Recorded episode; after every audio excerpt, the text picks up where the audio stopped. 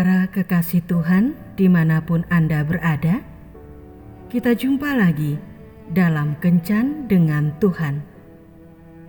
Edisi Jumat 11 Juni 2021. Dalam Kencan kita kali ini, kita akan merenungkan bacaan dari surat Petrus yang pertama, bab 5 ayat 8. Sadarlah dan berjaga-jagalah.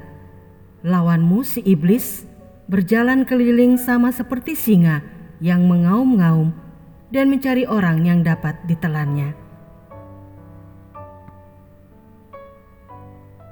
Saudara-saudari yang terkasih, ada seseorang yang ingin menggambarkan cara kerja iblis melalui tulisan yang berjudul "Surat Setan untuk Temannya". Bunyi surat itu demikian. Untuk sahabatku, aku mengunjungi sekolah bina iman di mana engkau ditempatkan untuk mengajar. Dan aku sangat gembira melihat banyak murid-murid yang tidak bisa hadir. Aku begitu senang karena kebanyakan dari mereka datang terlambat, capek, dan tertidur saat penjelasan tentang firman Tuhan. Aku senang sekali mendengar pelajaran atau renungan yang tidak dipersiapkan dengan baik, sehingga murid-murid tidak tertarik mendengarnya. Kau pasti sudah bekerja keras, sehingga semua bisa berjalan dengan lancar. Aku juga telah menjadikan hari Minggu sebagai hari kerja favoritku, karena itu merupakan hari di mana aku mengerjakan sebagian dari pekerjaan terbaikku. Aku berusaha menarik perhatian sebagian umat untuk tetap tinggal di rumah dan menonton YouTube atau Netflix pada hari Minggu, atau pergi berolahraga dan ke mall, atau tertidur karena kelelahan setelah malamnya pesta sampai larut malam, atau bahkan harus bekerja sepanjang hari Minggu karena aku kirim order yang banyak di tempat bekerjanya. Aku tertawa terbahak-bahak setiap kali melihat banyak umat yang tidak mau memberikan persembahan di gereja.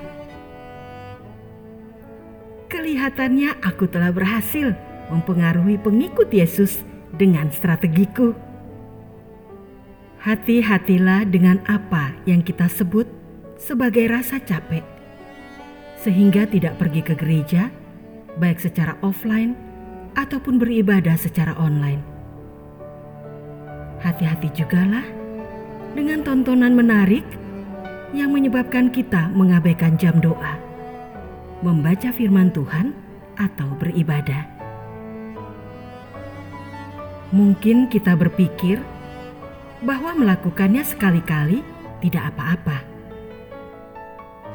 tetapi ingatlah bahwa tawaran iblis yang manis dan kelihatannya tidak membahayakan telah membuat Hawa dan Adam suaminya jatuh dalam dosa dan akhirnya terpisah dari Allah.